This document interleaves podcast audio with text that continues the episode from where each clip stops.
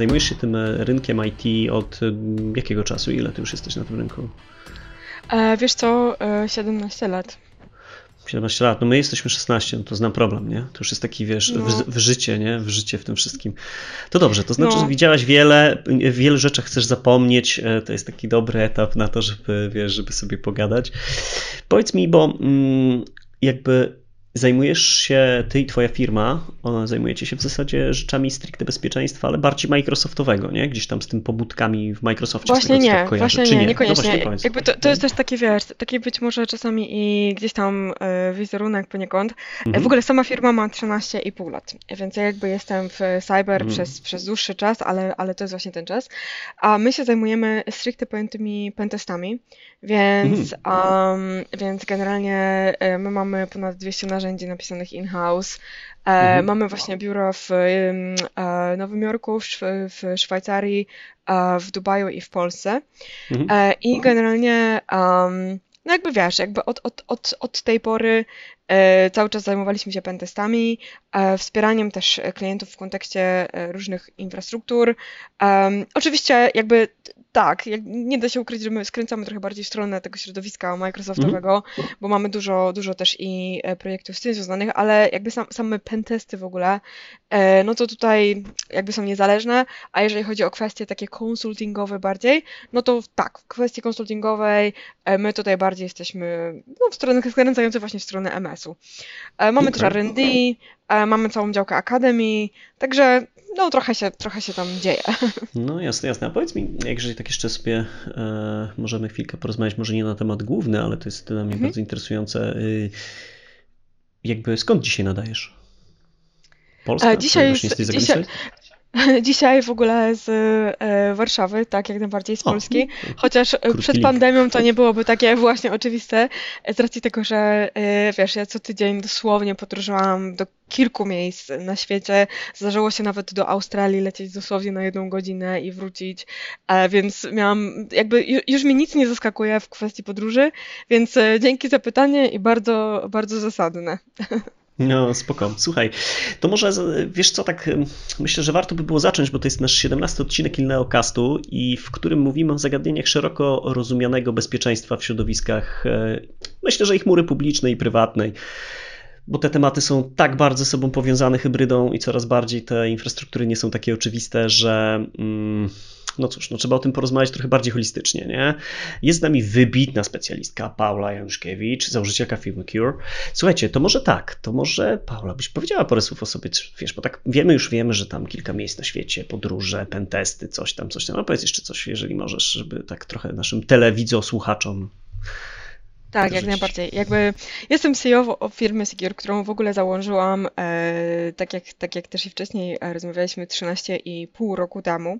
E, to jest firma, która na początek powstała w Polsce, e, natomiast e, cyberbezpieczeństwo nie zna granic, więc my się bardzo szybko rozwinęliśmy i otworzyłam właśnie biuro w, w Dubaju, w Szwajcarii, w Nowym Jorku, e, więc jakby zajmujemy się międzynarodowo bezpieczeństwem.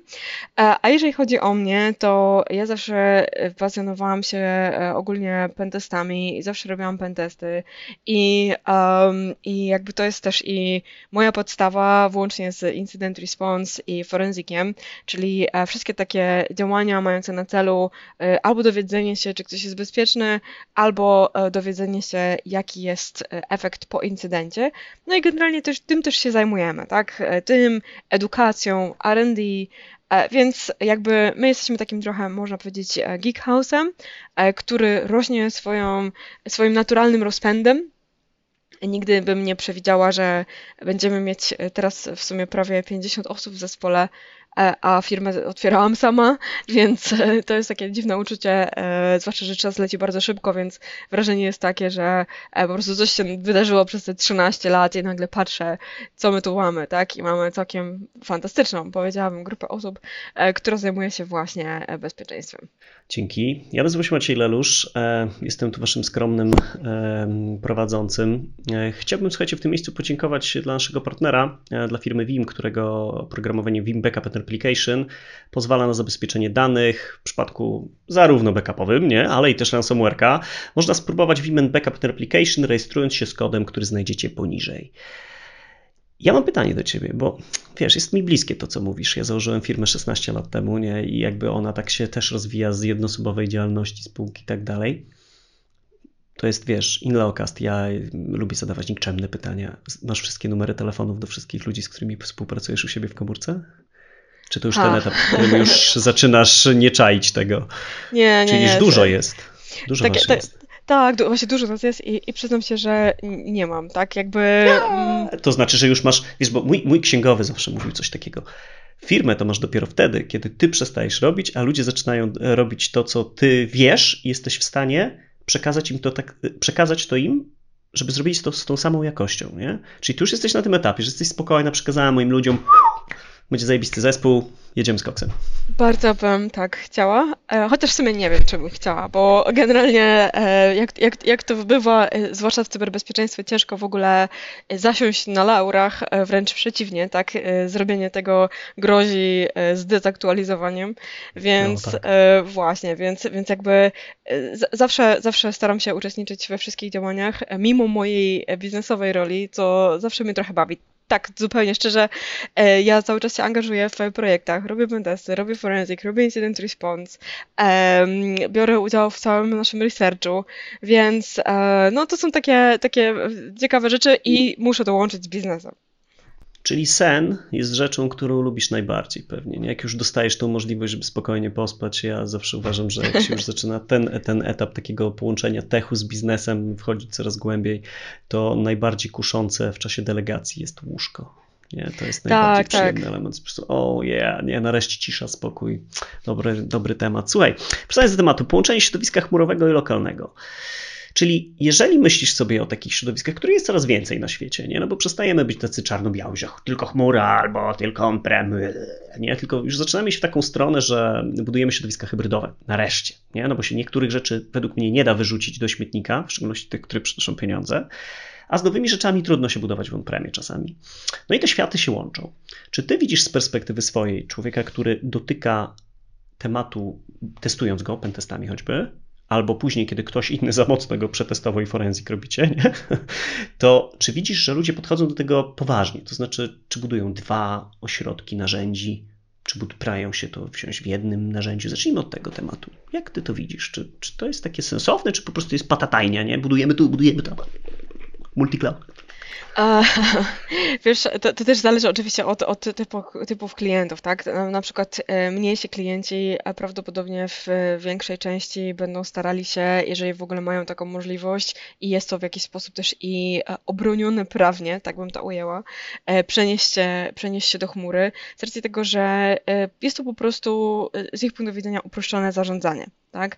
Czyli po prostu przenosimy część usług, nie musimy po pierwsze zarządzać sprzętem, sprzęt się również de dezaktualizuje i po prostu my wynajmujemy jakieś usługi, czasem może być drożej, czasem taniej, niemniej mhm. jednak na pewno usprawnia to ciągłość biznesową e, w kontekście e, realizacji usług, a przede wszystkim szybkości realizacji usług i jakby tym dla mnie e, charakteryzuje się chmura i ja właśnie chmurę troszeczkę też i tak postrzegam. Niemniej jednak ten aspekt związany z bezpieczeństwem i z całym planowaniem architektury też jest absolutnie istotny. I oczywiście zawsze i będzie się pojawiało to zagadnienie, czy jeżeli na przykład przeniosę część swoich usług do chmury, to czy te usługi um, pozostają również w czyichś rękach, czy co, co to w ogóle się dzieje, tak? Więc, więc generalnie, jeżeli chodzi o kwestię e, zarządzania, no to z tego co my widzimy, no to część firm już częściowo przeszła w, jakieś tam, w jakimś tam obszarze do chmury, e, a część na przykład w ogóle jeszcze nie. Bo na przykład są to usługi finansowe, e, jest to na przykład, nie wiem, Szwajcaria, tak? I mimo, że mhm. na przykład Szwajcarzy mogliby skorzystać ze swoich e, prywatnych, w sensie szwajcarskich rozwiązań chmurowych, no to generalnie na przykład nie robią tego, bo prawnicy po prostu blokują ten temat, tak? Nawet nie blokują, bo to mhm. też brzmi tak negatywnie, po prostu mają jakiś punkt widzenia na to, że oni się tam po prostu nie powinni przynosić i biorą na klatę, mówiąc kolokwialnie, generalnie całe, całą obsługę sprzętową e, tych wszystkich usług, które mają. Także Różnie jest, tak? Też widzimy na przykład gigantów, um, korporacje, mhm. które e, w dużej części mają zasoby zarządzane właśnie poprzez wykorzystanie rozwiązań, rozwiązań chmurowych. Nie w całości i, I szczerze powiedziawszy, to raczej, jeżeli widziałam firmy, które są, powiedzmy, że w całości przeniesione do chmury, to są to raczej firmy małe, ale to też i wynika mhm. nie ze specyfiki samej chmury, tylko ze specyfiki różnego rodzaju aplikacji, e, z których po prostu czasami e, ciężko jest Jasne. albo wyjść, albo po prostu oni nie chcą tego robić, tak? Także ale tutaj jest wiele punktów mogę, widzenia. Jeżeli mogę wejść słowo, bo tak trochę chcę mhm. kierunkować. Chodzi mi o narzędzia. Popatrz, kiedy patrzymy na świat on-premowy, który budował się ostatnie 20-30 lat, nie? te narzędzia budowały się z tym światem razem. Nie? I teraz nastąpiło takie troszeczkę odcięcie nie? i przesunięcie, tak jak mówisz, workloadu w stronę chmury, jakiego by tam nie było, nie? w jakiej dojrzałości te firmy są, coś tam każdy mia, w miarę ma. Jak nie Office 365, to tam, nie wiem, jakąś jedną vm ze stroną internetową. Coś tam się zawsze znajdzie. Ale gro i jakby ciśnienia przez te wiele lat, przez te 30 ostatnich lat e, w kontekście narzędziówki było pchane w stronę on-premu, bo on istniał. Nie? No i teraz to ostatnie kilkanaście lat e, pokazało, że tam jest też bardzo ciekawy świat cloudowy, tak jak sama wspomniałaś. Czy ty widzisz, że zastosowanie tych samych modeli pracy jak ze środowiskiem on-premowym jest sensowne, czy nie w chmurze? Czy trzeba w ogóle pójść i zbudować nową narzędziówkę, żeby to miało ręce i nogi? Czy tamtą da się rozciągnąć? Też e, oczywiście takie, e, tutaj taka odpowiedź, wiesz, ze strony konsultanta typu to zależy, tak? To zależy. Mhm. Wiadomo, wiadomo. E, niemniej jednak część narzędzi jest e, koncepcyjnie bezpośrednio konwertowalna właśnie e, do chmury, czyli mamy jakieś zasoby, z którymi się łączymy i de facto zarządzamy na przykład nimi w ten sam sposób, czyli na przykład korzystamy albo z infrastruktury jako usługa, albo z jako platformy, albo z oprogramowania. To jakby wszystko zależy od, od aplikacji i tego, um, czego potrzebujemy, tak? Jeżeli chodzi o na przykład dostęp do naszej poczty, no to wiadomo, że jakby zarządzanie się tutaj kompletnie zmieniło, tak?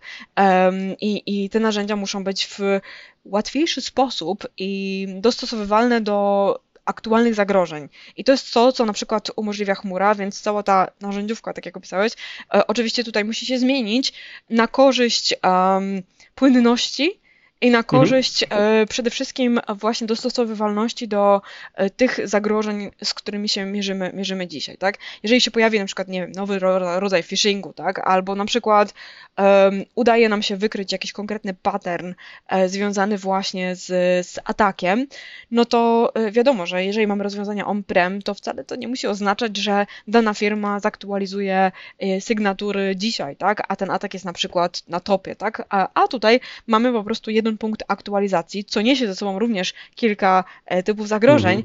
Mhm. Niemniej jednak, jakby jeżeli, jeżeli się tutaj wyłącznie skupimy na korzyściach i samych narzędziach, no to sam fakt przemocy modelowania takiego narzędzia i sposobu zarządzania nim e, tutaj jest wymuszony przez e, zmieniający się mm, świat, że tak powiem, no filozoficznie.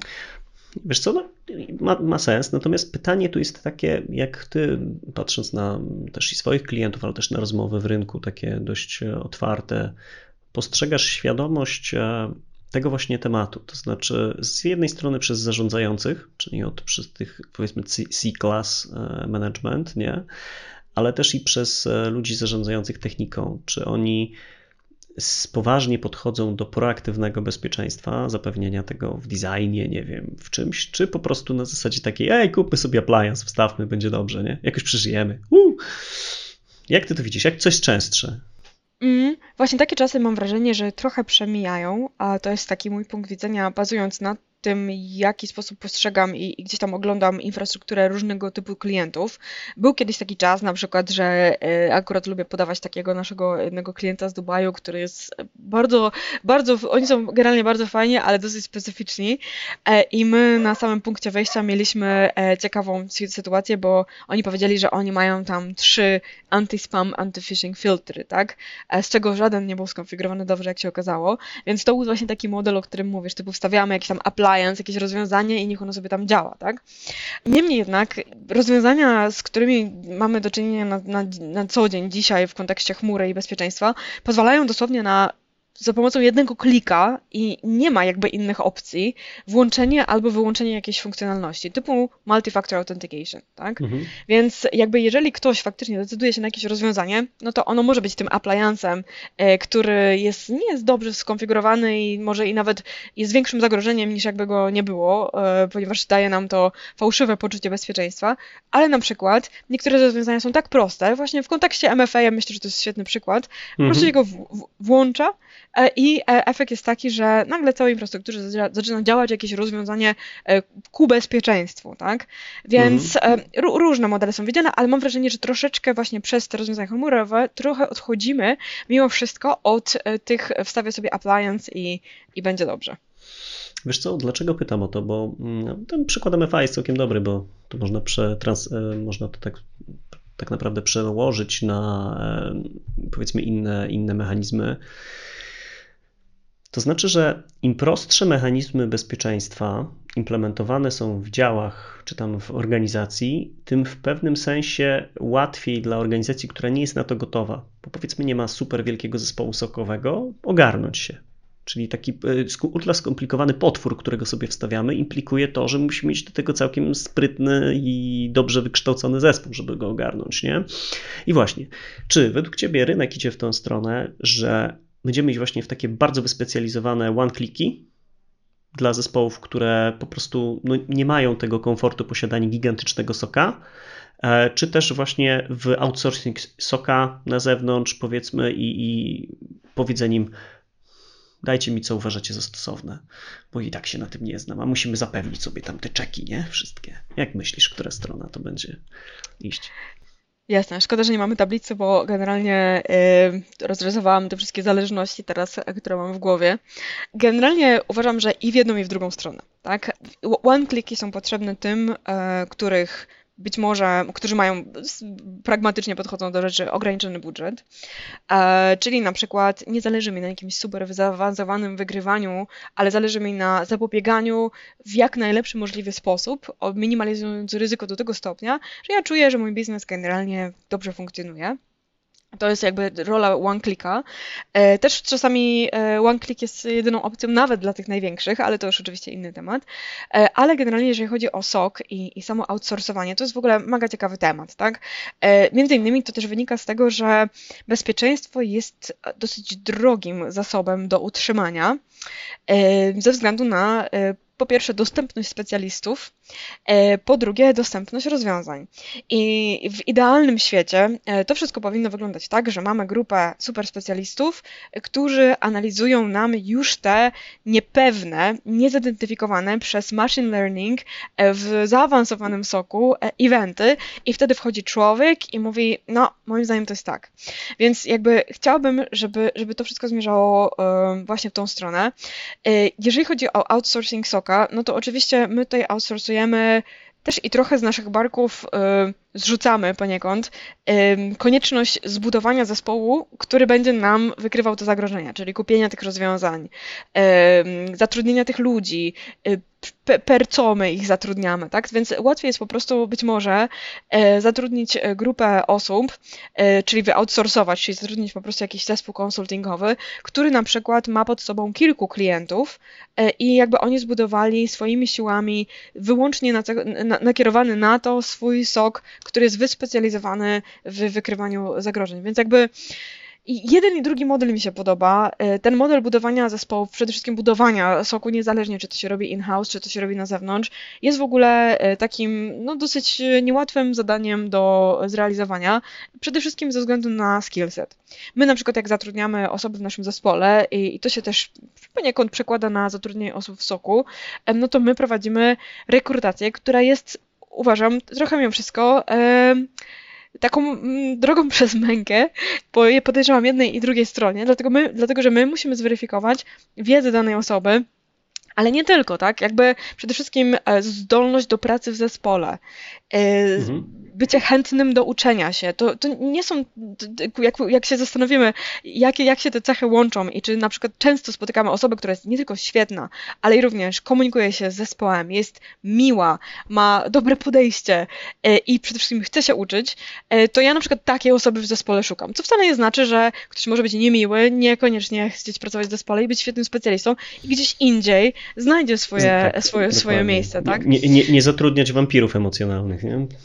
Tak, no właśnie, nam na tym zależy, bo dokładnie, bo, bo nasz zespół jest bardzo taki zgrany. My się, my się spotykamy, wiesz, po południu na y, kawkę i, i po prostu my się kolegujemy ze sobą, tak? Więc jakby mi na tym zależy.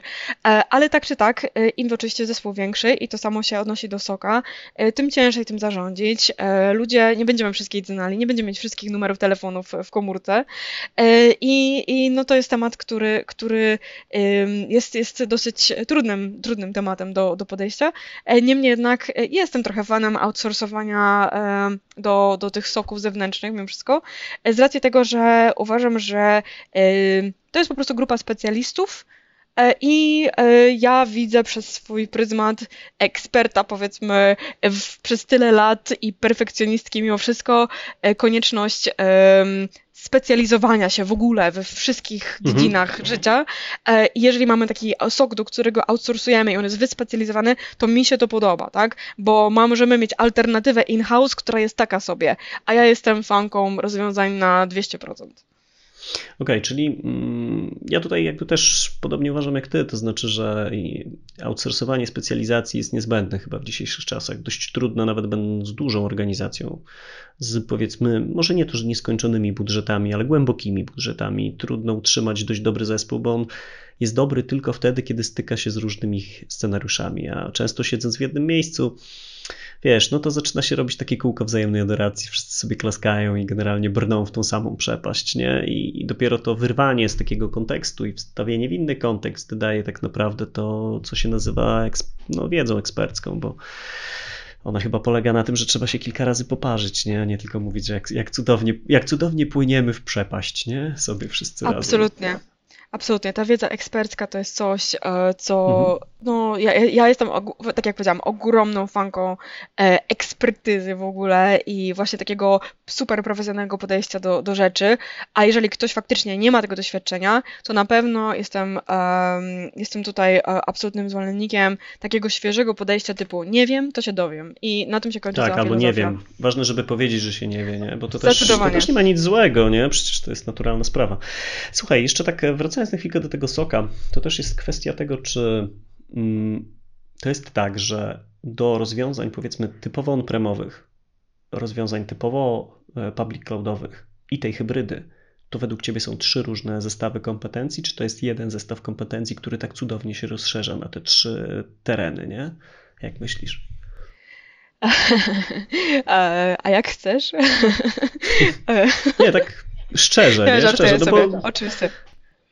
Oczywiście, rozumiem, rozumiem. Generalnie to jest tak, jeżeli chcemy tutaj znowu specjalizować się, to uważam, że każda z tych rzeczy ma, ma swoją kompetencję. Chociażby na przykład e, bezpieczeństwo w chmurze i bezpieczeństwo rozwiązań może się dzielić na przykład na wykrywanie zagrożeń, powiedzmy na endpoincie i centralizowanie mhm. ich i robienie, dorobienie do tego playbooków, ale też na przykład może się łączyć z takimi po prostu typowo systemami CM, czyli łączeniem kropek z e, kilku systemów i to może być jedna specjalizacja, to, absolutnie, ale generalnie ja bym to chętnie widziała jako dwie. Mhm. E, a zwłaszcza w kontekście e, soka, więc znowu rzeczywiście to jest takie trochę myślenie życzeniowe, bo mamy ograniczoną liczbę specjalistów, więc fajnie by było, żeby jednak jedna osoba się zajmowała tym wszystkim i tak to też i wygląda w świecie konsultingu, że generalnie mamy e, dużo wyzwań i często tymi wyzwaniami jest, zwłaszcza w nowych rozwiązaniach chmurowych, nauczenie się wręcz czegoś, przetestowanie, zrozumienie. Każdy jakąś technologię widzi po raz pierwszy i po prostu jestem absolutnie i też tak to postrzegam fanem łączenia z rozsądkiem e, kilku rzeczy, kilku rzeczy w jedno. Więc to może być absolutnie jeden specjalista, ale e, jeżeli jest dwóch, to tym bardziej, tym lepiej, tak? Mhm. A powiedz mi, gdzie jest taki moment według Ciebie, w którym powiedzmy przy dość skomplikowanym stosie technologicznym, którym jest hybryda, e, no rośnie ci zespół, nie? Jeden się będzie tym zajmować, drugi tamtym, wiadomo, tak jak rozmawiamy sobie, specjalizacja jest istotna, nie? W którym momencie pośród tych specjalistów zaczynasz potrzebować generalisty. Czyli kogoś, kto w ogóle zepnie to jako, wiesz, myśl, nie? No bo według mnie dochodzi do takiego momentu. Często architekci są generalistami. Ja siebie postrzegam jako generalistę, to znaczy trudno mi już o sobie powiedzieć, że jestem ekspertem w jakiejś dziedzinie, no bo staram się szeroko patrzeć, jak się szeroko patrzy i płytko patrzy, nie? No nie. I gdzie, czy ty widzisz w momencie taką potrzebę, że nie wiem, masz 6, 5, 7, 20, Tu zostawiam interpretację dla ciebie ludzi, którzy są super specjalistami. I czy ty widzisz właśnie tam miejsce tego generalisty, nie? czy zestawu generalistów, nie?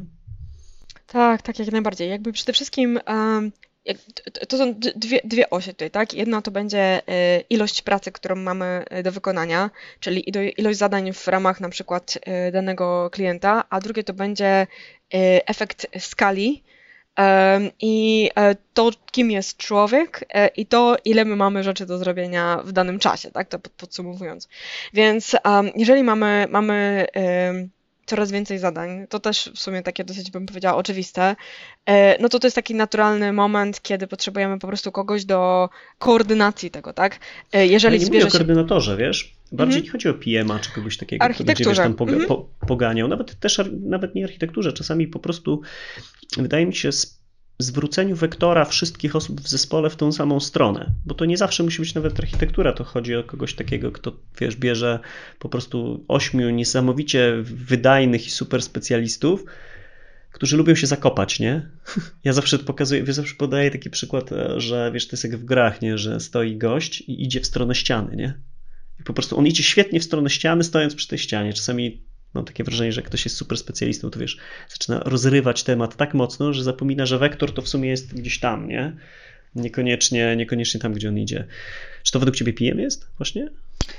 E, a, pytanie, pytanie, jak też to postrzegamy, bo na przykład patrzę mm. to trochę na to przez pryzmat y, trochę naszego zespołu mimo wszystko, bo mamy, mamy dużo geeków i gdzieś tam zdarza się, mm. że mhm. ktoś się zakopie i powiedzmy siedzi przez pół roku robiąc research y, na jakiś tam określony temat i mamy na przykład takie sytuacje, nawet i dłużej. Y, I szczerze powiedziawszy, wszystko powinno mieć swoje swoje gdzieś tam uzasadnienie biznesowe i, i gdzieś tam pomieszane z jakimś taką dozą rozsądku, czego my tak naprawdę potrzebujemy, tak? Czyli trochę odnosząc się do tego, e, co ty mówisz. Ciężko tak naprawdę, wydaje mi się, i nawet tak konkretnie, wiesz, udzielić odpowiedzi na to pytanie, bo to może być rola PM-a, który ma przede wszystkim wiedzę architektoniczną, czy pytanie architekt może być w jakimś stopniu w połączeniu z PM-em, który zarządza e, różnego rodzaju zadaniami w projekcie, tym takim super zespołem, e, czy tą osobą, która powie stop, nie idziemy w tą ścieżką dalej. Jak najbardziej. Więc ja, ja tutaj widzę, i my też tak realizujemy to, że architekt mhm. zawsze współpracuje z PM-em e, i, i jakby to, to jest ogólnie rola zarządzająca projektem, nie tylko pod kątem e, po prostu operacyjnym, ale też i pod kątem merytorycznym. Więc e, ja to trochę tak, tak postrzegam. My, my też tak w taki sposób działamy, więc, e, więc, więc tak to widzę. Ale jak najbardziej, jakby skala oczywiście jest jakimś tam efektem. Jeżeli się zbierze trzech świetnych architektów, to oni również się mogą zakopać w sposób, w którym tak, za... nie wyjdą z tego trzy miesiące się okaże, że oni właśnie spędzili nad czymś czas, a to nie ma sensu, bo się tak tym zafascynowali. Więc jakby zawsze to jest, to, to, to wszystko się wiąże z też wydaje mi się charakterem ludzkim, tak? I te projekty, y, jak, się, jak, jak my w nie wchodzimy, no to one oczywiście mogą być y, rozmiarowo wielkie, tak, ale sam koncept rodzi się w naszych głowach, więc ja zawsze liczę na ten taki, e, taką chłodną kalkulację, ten taki wewnętrzny rozsądek, e, który e, zawsze powinien być w głowie architekta, który gdzieś tam mimo wszystko nadzoruje ten projekt pod kątem, pod kątem merytorycznym. Spoko. Czyli mamy taką ideę specjalizacji połączoną powiedzmy z kimś, kto koordynuje, żeby biec właśnie nie w stronę przepaści i mi się wydaje, że to właśnie powinno, żeby projekt się udał, taka idea powinna być z dwóch stron, to znaczy z tego powiedzmy soka, czy tam firmy, która obsługuje danego klienta, ale też od strony klienta, bo nie wiem jak ty, ale my się dość często spotykamy z takimi projektami jako architekci, że, gdzie mamy absolutnie mało danych. To znaczy przychodzi do nas klient i mówi cześć, mam budżet, mam termin, nie wiem nic. Nie? I to bardzo często porusza taką we mnie nutę niepewności, to znaczy czy, czy to jest mu naprawdę potrzebne. Nie? Ja zaczynam zawsze tą dyskusję od tego. Nie słuchaj, wiesz co, może by było warto się zastanowić w ogóle, co my tu robimy, nie? Wiadomo, wszyscy fajnie, że mamy te budżety, że mamy to wszystko, to wszystko działa, ale może zastanówmy się. Więc czasami, przynajmniej z mojej strony, wchodzimy dość często w tą rolę klienta, nie? Taką, e, to nazywamy augmented team, nie? To znaczy, że stajemy się jego zespołem. Czy w waszym przypadku, e, też w przypadku właśnie tej kwestii e, bezpieczeństwa, to też tak jest, że masz czasami rozdwojenie jaźni, mówiąc w imieniu my jako klient, czy, czy, czy nie? Czy to jest raczej tak, że wy się staracie postawić tutaj dość twardą granicę? Przede, przede wszystkim to jest tak, że klient, który przychodzi, my, my zakładamy, że on um, tak wstępnie wie, co chce. I nie chciałabym tutaj wybrzmieć jakoś negatywnie, ale generalnie y, cyberbezpieczeństwo samo w sobie jest zagadnieniem no, dosyć skomplikowanym, tak? Nie każdy wie tak naprawdę w efekcie, co chce. Oni mogą sobie, nie wiem, pomyśleć, że powiedzmy chcą jakiś internalowy pentest albo jakieś tam testy określonego typu. Um, i, i, um, no i oczywiście jak najbardziej, to jest w ogóle klasyk, tak? Jakby jestem tak y, bezpośrednią osobą, że ja od razu mówię, nie tego chcecie, tak? Być może powinniście zobaczyć y, na to w takim innym kierunku, tak? Albo okej, okay, fajnie, ale to nie ma sensu w danym czasie, tak? Y, jesteśmy w stanie to zrobić lepiej w określonym czasie, jeżeli na przykład będziemy mieć więcej danych wejściowych, tak? E, na tym tak wam naprawdę zależy, tak? Oni czasami też nie potrafią, nie potrafią um, tego ująć, tak? Ale to też y, jakby nasza w tym rola to jest po prostu taka grupa, wspól, wspólnie zebrana tutaj grupa osób i my nie różnicujemy, czy to tam klient, czy my, tylko po prostu siadamy mhm. razem z nimi i kombinujemy, czyli takie typowe podejście dobre konsultingowe, kombinujemy właśnie, e, co tutaj razem zrobić, żeby było e, dobrze, mówiąc wprost. Okay.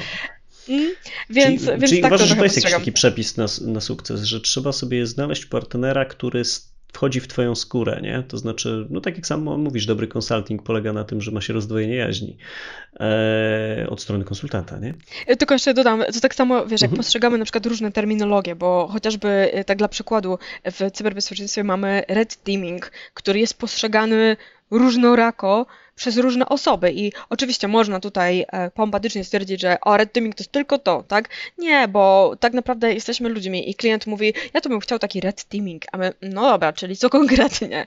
I się okazuje, że to, co y, mówi, no to może niekoniecznie związane są super jedną e, jakieś, jakąś definicją red teamingu i musimy po prostu wzajemnie się zrozumieć, na czym, na czym w mhm. ogóle to będzie polegało. No i może to nie jest idealnie rozumiany red teaming, no ale na przykład coś zbliżonego, tak? Więc jak najbardziej. Jasne. Zresztą tak e, dopytuję sobie, bo e, trochę chciałbym porozmawiać o case'ach, nie? bo zawsze staram się w naszym Inleokaście porozmawiać trochę o case study, to znaczy wiesz, przy tak szerokim, zakrojonym temacie będzie to dość trudne, nie? Natomiast yy, chciałem Cię zapytać o coś takiego, no bo rozmawialiśmy o kompetencjach, że różne kompetencje, specjalizacja, raczej bezpieczniej się specjalizować w jednej rzeczy niż szeroko, no bo wiadomo, się płciej specjalizujesz.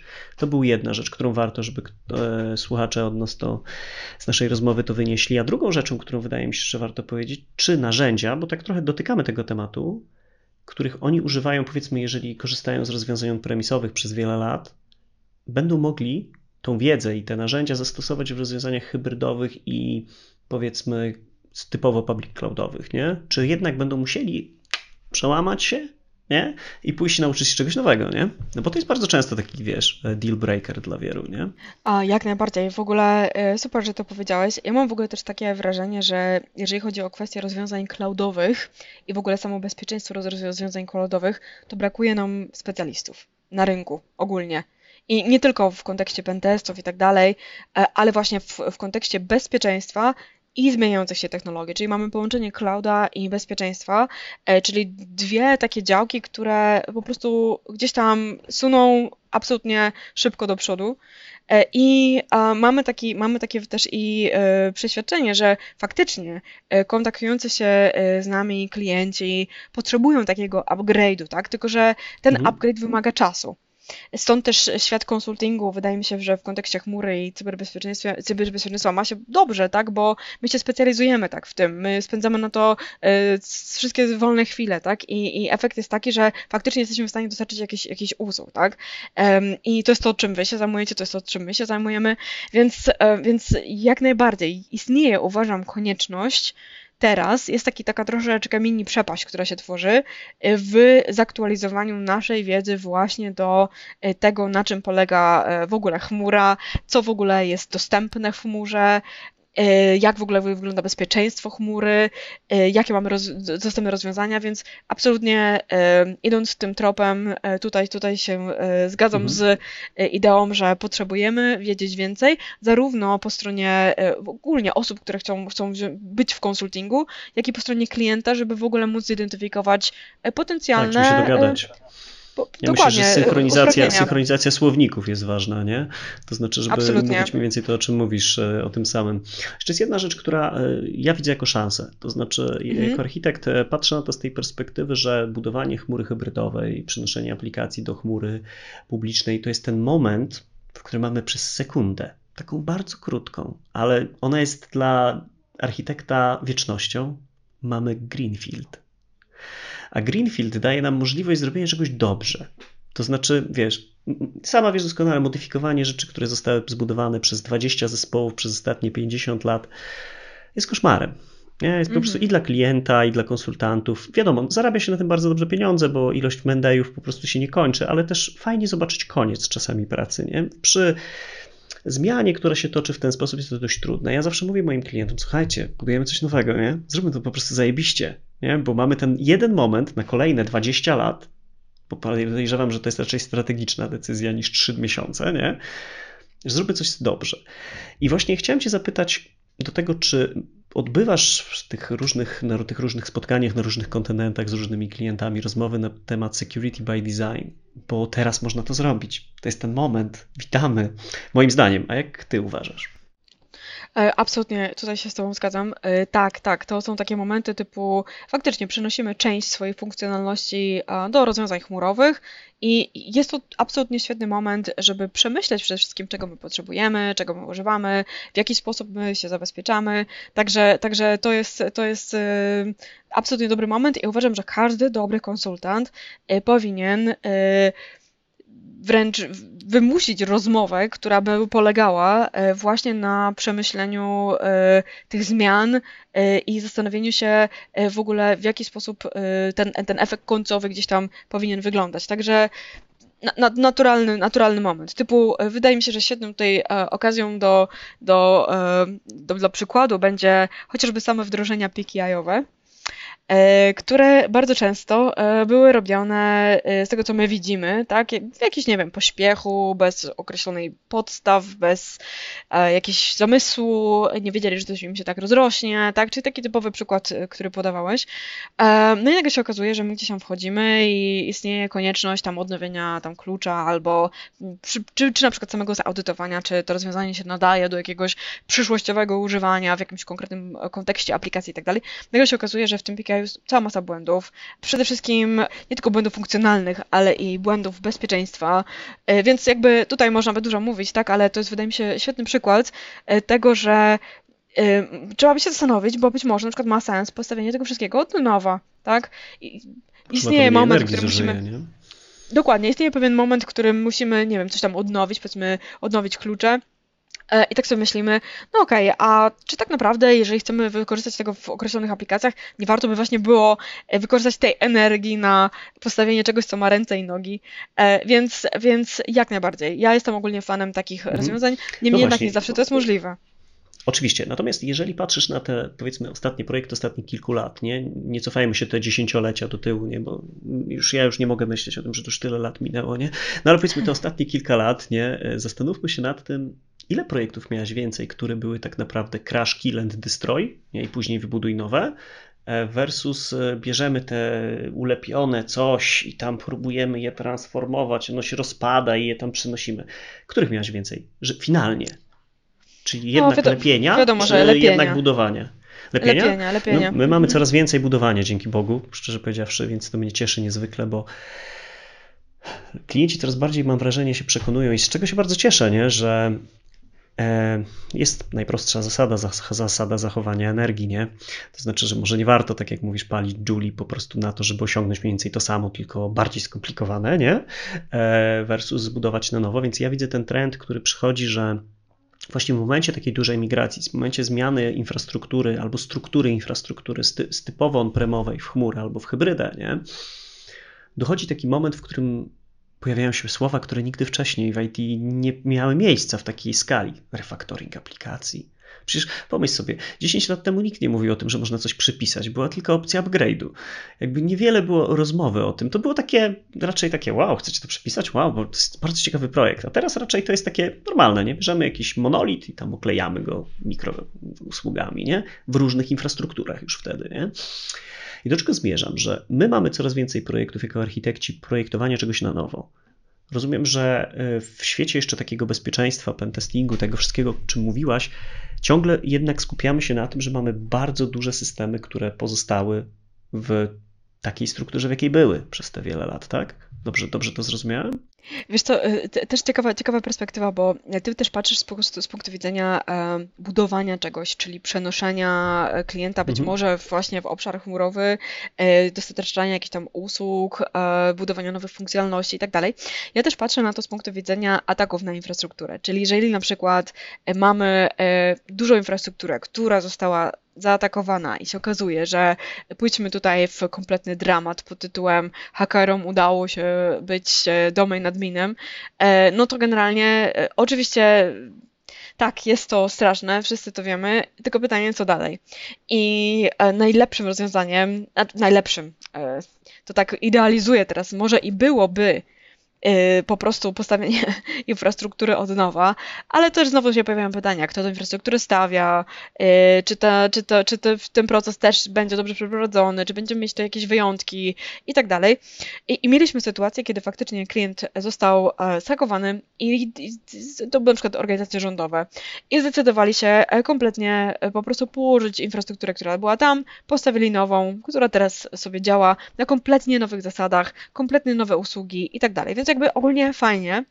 E, niemniej jednak nie każdy może sobie pozwolić na takie sytuacje, bo wiesz, masz 100 tysięcy komputerów i teraz tak. postaw to wszystko Wiesz, to jedna rzecz, ale ja też myślę, że nie można być binarnym tutaj, nie? To znaczy. Oczywiście. Zawsze, nawet w tych nowych buildach, o których mówimy, tam jest zawsze, ja to nazywam wżer starej infrastruktury. Na przykład mają Active Directory, niektóre pozostało, nie? I je trzeba połączyć z tym, co zostanie. I ono zostanie przeniesione, bo to jest program, który będzie się toczył przez najbliższe 4 lata, bo tak jak mówisz, mają 100 tysięcy komputerów, nie?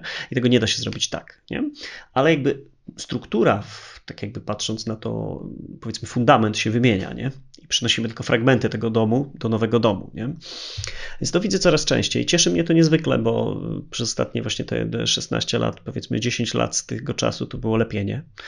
Teraz jest coraz więcej projektów, które gdzieś w nowych, na nowych zasadach budujemy coś nowego i dzięki temu jesteśmy w stanie przenieść te, powiedzmy, rzeczy, które utrzymują firmę, bo to też jest ważne, że Myślę, że perspektywa zmienia się w kontekście tego, jaką aplikację się dotyka. To znaczy, jeżeli bierzemy aplikacje wspierające, które na biznes mają wpływ taki, wiesz, eh, okej, okay, nie?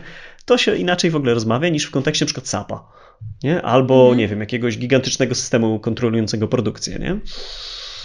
I właśnie jak, jak, jak patrzysz na swoich klientów, czy oni mają taki dualizm, czy raczej robią takie akcje typu go cloud, nie? Jedziemy z całą infrastrukturą. W sumie nie sprawdziliśmy, ale zajebiście, nie? E, czy właśnie perspektywa taka, że jest dualizm? Ok, zróbmy assessment, przemyślmy to. Jakich klientów masz więcej? Takich, e, jak ja to nazywam, husaria, czy właśnie takich, którzy coś sobie jakoś to analizują i rozważają? Zdecydowanie tych analizujących. A, a jeżeli e, to, to, to, podejście e, wstępne e, nie jest takie, to my jakby tutaj absolutnie Dziękuję. wstępujemy w rolę osób, które, które starają się, żeby jednak to drugie podejście było wdrożone. Więc efektywnie drugie podejście jest tym finalnym. A spotkałaś się z, w ogóle z projektami takimi już husarią? Czyli już jakby wchodzisz do projektu, oni już wiesz, jadą z koksem nie? Mm, jakby, nie. Nie, nie ja się spotkałem nie. raz czy dwa i, i to było zawsze takie doznanie typu myślę, że za dwa lata będziemy wracać. Nie? I teraz mam właśnie te projekty repatriacyjne, e, które się gdzieś tam zdarzają, przychodzą nas klienci, którzy wiesz, gdzieś popełnili husarię i teraz robią repatriację z powrotem w inne, czy w hybrydę najczęściej. Nie? No i właśnie to dotyka tej części aplikacyjnej bardzo często. To znaczy, że do niedawna IT patrzyło, było bardzo techniczne to znaczy patrzyło na te bits and pieces, nie? Serwerki, macierze, switche, tratatata, a nie zwracało uwagi na aplikacje. Czy w części bezpieczeństwa zawsze było tak właśnie, że się patrzyło od strony potrzeby, tych wielkich słów, które dzisiaj użyłaś, nie? Potrzeba, rozmowa, zrozumienie, czy raczej, hej, chodźcie, wstawimy taką wypasionego, wypasioną asę i jakiegoś, nie wiem, cudownego snorta i będziemy rypać, ale po co? Nie wiemy, ale będziemy, nie? Jak, jak, jak to się zmienia według Ciebie? To się zmieniło, czy było tak zawsze, jak mówisz, jak jest teraz? Hmm, a czasami po prostu e, sam, sama potrzeba wstawienia jakiegoś rozwiązania wynika po prostu z konieczności uzupełnienia brakującego puzzla, tak? I, mhm. i faktycznie niektóre rzeczy ogólnie mogą być realizowane w ten sposób, typu potrzebujemy nagle CMA, tak? Albo, no może nie nagle, tak? Ale to patrząc też i w przeszłość, być może potrzebujemy jakiegoś lepszego firewalla, tak? E, to to już mówię takich, takich czasach, czasach mhm. kilka, jeśli nie kilkanaście lat temu. No i gdzieś tam ląduje jakiś appliance, który być może działa sobie z domyślnymi zasadami, ale jest. I Potem oczywiście się okazuje, że, że on jest niedokonfigurowany i tak dalej. To, to, to, to były, mam wrażenie, takie czasy przeszłe. Teraz jest bardziej tak, że mimo wszystko te rozwiązania, one, one w jakiś sposób sobie dojrzały. E, tych ludzi jest więcej, którzy są świadomi, jak one działają. E, też i firmy wdrażające e, nie tylko sprzedają dane rozwiązania, ale również po prostu oferują całą rzeszę konsultantów, które, którzy dostosują rozwiązania do potrzeb danego klienta, więc ja trochę mam wrażenie, że oczywiście zdarzają się sytuacje typu y, mamy incydent, tak, i mamy nowego klienta, który do nas przychodzi, wchodzimy do tej infrastruktury i widzimy, że tam jest wszystko źle po prostu i tak szczerze i zupełnie może i irocznie, nie ma co się dziwić, że ten incydent nastąpił, bo on by nastąpił prędzej czy później, e, patrząc na stan infrastruktury, więc okej, okay, wchodzimy, patrzymy, pomagamy w recovery e, i, i, dużo, dużo, dużo tutaj jest uwag, tak? E, co oni z tym robią, no to, to, to zależy od mhm. projektu, tak? Czasami mhm. wiemy, czasami nie wiemy. I, um, I jakby to, to trochę jest tak. Mam wrażenie, że coraz rzadziej ludzie podchodzą właśnie w taki ad hocowy, taki sposób typu wdrażamy coś, mamy, tak, i tak dalej. Raczej, um, raczej tak małymi krokami, z stałym, stałym dystansem i trochę mimo wszystko szacunkiem e, do własnej mhm. niewiedzy, e, więc też i korzystają na przykład z konsultantów, albo też sami podchodzą do tematu, zajmuje im to dłużej, więc jakby za, zależy, do, zależy od do, typu do czego klienta. Piję w tym pytaniu? Bardziej chodziło, chodzi mi o to, że czy zauważasz, że Teraz w szeroko pojętym IT, którego bezpieczeństwo też jest bardzo ważnym fragmentem, potrzeba zaczyna wynikać nie od strony samych ludzi technicznych, tylko biznesu, że, że, że to się tak zshiftowało trochę, bo jeszcze do niedawna, tak jak mówiłeś, potrzebujemy SIEMA. To może być zainicjowane z dwóch stron. To znaczy, może być zainicjowane od gości, którzy nie mają SIEMA i po prostu mają dość, nie? Rycia po syslogach z zegarkiem w ręku, nie? I do niedawna ja miałem takie wrażenie, przez 4-5 lat temu to się zaczęło zmieniać, to oni inicjowali projekt Siema, nie? czyli dział techniczny przychodził mi, my chcemy Siema, a, IT tak, a dyrektor IT patrzył, no to tak Siem, bardzo ciekawe cztery literki. Nie? Natomiast teraz to się zmienia, że przychodzi gość od aplikacji, mówi, wiesz co, chcielibyśmy analizować tam e, wyniki sprzedaży w pierwszych 30 sekundach nie? kiedy puszczamy ogłoszenie na internet. Nie? Czyli jakby druga strona tej inicjuje. Czy w bezpieczeństwie jest podobnie? To znaczy zaczynają właściciele aplikacji, biznes ownerzy inicjować projekty bezpieczeństwa, czy ciągle jednak techniczni? E, no, tutaj się trochę zmieniło, tak? E, przede wszystkim to, co musiało nastąpić i trochę mimo wszystko widzimy trend, że to następuje. Teraz jest taki dobry momentum w ogóle na, na tego typu działania, e, żeby w ogóle zacząć rozpoznawać cyberbezpieczeństwo jako coś, co jest ściśle związane z ciągłością biznesową i ogólnie pojętym ryzykiem, tak? Czyli generalnie coś się wydarzy, mamy jakiś atak, tak? I nagle się okazuje, że to biznes, czyli w ogóle jakiś jakiś, e, jakiś management, jakiś leadership przychodzi do IT i mówi, e, słuchajcie, jak my tego nie zrobimy w przeciągu tam trzech godzin, to stracimy dużo pieniędzy, tak? Więc jakby to są te dwie, to są te dwie rzeczy, które teraz są przede wszystkim widziane przez e, management w wielu firmach jako te, które bezpośrednio wspierają nasz biznes. Mhm. Więc trochę, trochę te czasy się zmieniły. To nie jest tak, że IT po prostu gdzieś tam delikatnie wspiera ten biznes. Nie, IT w ogóle, a IT security jest kluczowym elementem ciągłości biznesowej każdej organizacji. I e, generalnie mm, pierwszą taką e, zasadą, którą, którą powinniśmy też wziąć e, pod uwagę, jest to, przede wszystkim w jaki sposób e, funkcjonuje e, dział bezpieczeństwa w danej organizacji, e, w jaki sposób on w ogóle jest postrzegany przez management, czy on ma odpowiednie wsparcie. I generalnie to powinno działać tak, i to powinna być ta pierwsza zasada, która powinna być w każdej firmie ujęta, że cyberbezpieczeństwo idzie e, liniowo wraz z rozwojem biznesowym danej, danej organizacji, e, z racji tego, że każdy stop, każde przerwanie e, w, w oczywiście w naszych działaniach biznesowych poprzez mhm. kompromitację cyberbezpieczeństwa bezpośrednio wpływa na nasz biznes. I teraz my widzimy właśnie w kontekście tego momentum bardzo duże zainteresowanie e, wynikające i wychodzące przede wszystkim z managementu, co jest bardzo ciekawe, e, właśnie e, w kontekście usług cyberbezpieczeństwa. Także to są takie Co, miłe my, niespodzianki. Tak, to są właśnie te niespodzianki, które mnie cieszą, bo nareszcie zadawanie pytania, dlaczego chcemy mieć ten system, znajduje tak naprawdę odpowiedź w organizacji, bo bardzo często dotychczas to było tak, no wiesz co, mamy te systemy i po prostu chcemy, żeby szybciej działały, no ale po co? Dlaczego chcecie to robić? W sumie działają, nie? oni tak, no w sumie nikt nam nie powiedział, czy mają szybciej działać. Więc wiesz, nareszcie jest ta odpowiedź. Swoje ostatnie pytanie, takie może e, takie zaskakujące, ale jestem ciekaw Twojej odpowiedzi. To znaczy, jak patrzysz na działy cyberbezpieczeństwa i IT, nie, to są według Ciebie dwie niezależne organizacje w przedsiębiorstwie, czy to powinien być jeden działający z pełną, uwielbiam to słowo, synergią dział? Aha, Znowuż zależy od naszych możliwości. E, trochę i może niepopularna odpowiedź, e, ale, ale to wszystko e, gdzieś tam przykładam na jakieś praktyczne myślenie o tym. Mhm. I, i no tak naprawdę zależy, zależy jak, jaki, jakie w ogóle mamy zasoby, ile ma, jaki mamy budżet, ale generalnie jakby bezpieczeństwo IT idzie w linii z zarządzaniem ryzykiem, więc to są jakby te, te, te dwie rzeczy, które, którymi zwykle zajmują się inne osoby, ale na pewno to są osoby, które powinny ze sobą współpracować, więc w jaki sposób to będzie zorganizowane w organizacji, mhm. tak? Czasami po prostu nie, nie ma, ma złotego działu, środka. Tak? Mhm. Dokładnie tak, ale najważniejsze jest po prostu wspieranie e, tej um, działania biznesowego poprzez dobre zarządzanie cyberbezpieczeństwem. Tak? To jest idea. Jak ją realizujemy pod spodem, to jest już. No, to już jest magia, nie? To jest magia. Paula, bardzo Ci dziękuję. To było bardzo miłe spotkanie, e, bardzo inspirujące. Ja, ja pozwolę sobie jeszcze tak e, powiedzieć na koniec takie zdanie, później przekażę dla Ciebie głos, jeżeli będziesz chciała jeszcze coś dodać. Ja myślę, że tak po większości naszych odcinków Inleocastu kiedy rozmawiamy z ekspertami, ze specjalistami, dochodzimy do wniosku, że najważniejsza na końcu drogi jest komunikacja. Nie? To znaczy, to, co, czym skończyliśmy dzisiejszy odcinek, to to, że powinny ze sobą współpracować, powinny bardzo blisko ze sobą współpracować, bo to jest podobny, jedno z drugiego wynika. Każdy dział tak powinien działać. No i też e, te budowanie świadomości w zarządzających naszą organizacją jest myślę bardzo ważne, bo to wszystko jest dla organizacji, nie dla nas. Nie?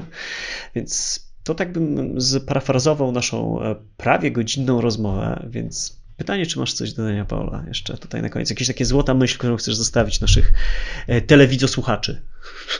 Tak myślę, że to świetnie powiedziałeś. E, myślę, że jeśli miałam to jakoś, nie wiem, podsumować, spuentować, e, to e, z punktu widzenia technologicznego im bardziej dbamy o cyberbezpieczeństwo, tym bardziej na koniec dbamy o siebie. Więc, więc efekt jest taki, że możemy pracować bezpiecznie, funkcjonować bezpiecznie, nasze dane są bezpieczne, więc, więc ta technologia jest w dzisiejszych czasach absolutnie istotnym aspektem E, i powinna oczywiście być zaadresowana nie tylko z punktu widzenia komunikacyjnego, ale z punktu widzenia wiedzowego i z punktu widzenia biznesowego, a także w sumie e, powiedziałam to, co ty powiedziałeś, tylko z jednego punktu widzenia. Ja uważam, że by design powinno to być. Jakby nie można tego oderwać od siebie. Bardzo dziękuję jeszcze raz. To był 17 odcinek Inleocastu. Zapraszam znowu za jakiś czas.